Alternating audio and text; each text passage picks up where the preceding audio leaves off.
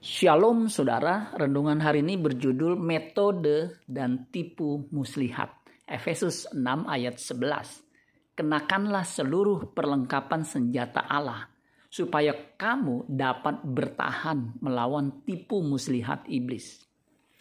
Mengapa Tuhan memerintahkan jemaat Efesus untuk mengenakan seluruh perlengkapan senjata Allah? Perintah ini menunjukkan betapa bahayanya oknum si jahat ini. Apa yang sangat berbahaya dari si iblis. Tipu muslihat adalah hal yang paling berbahaya dari iblis.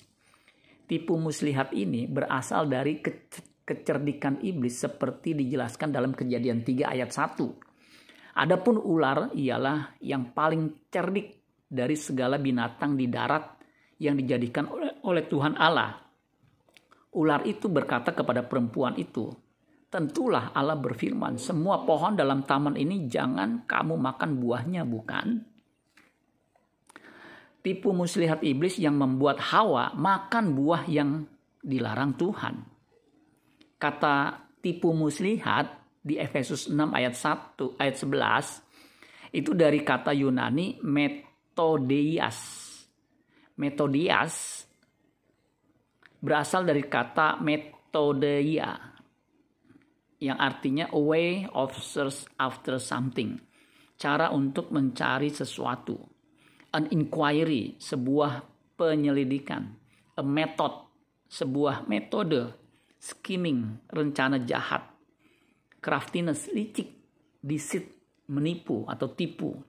Iblis punya cara dan rencana yang licik dan jahat agar manusia jauh dari hadirat Allah.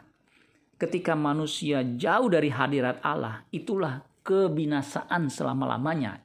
2 Tesalonika 1 ayat 9. Mereka ini akan menjalani hukuman kebinasaan selama-lamanya. Dijauhkan dari hadirat Tuhan dan dari kemuliaan kekuatannya.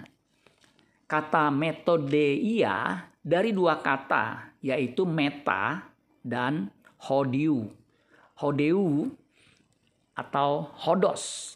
Meta artinya behind, di belakang, after, setelah.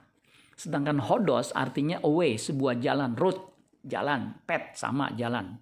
To travel, perjalanan. Journey sama itu artinya perjalanan. Nah kata hodos ini dipakai oleh Tuhan Yesus untuk menyebut dirinya. Di dalam Yohanes 14 ayat 6 kata Yesus kepadanya akulah jalan hodos, dan kebenaran dan hidup. Tidak ada seorang pun yang datang kepada Bapa kalau tidak melalui aku. Dari sini kita bisa simpulkan bahwa iblis berusaha agar manusia dijauhkan dari jalan menuju kepada Allah Bapa. Sedangkan misi Tuhan Yesus membawa orang percaya bisa sampai kepada Bapa di sorga.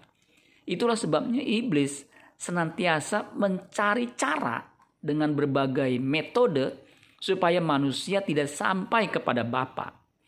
Orang percaya harus waspada terhadap tipu muslihat iblis ini dan mengenakan seluruh perlengkapan senjata Allah dan harus bersedia dipimpin oleh Roh Kudus.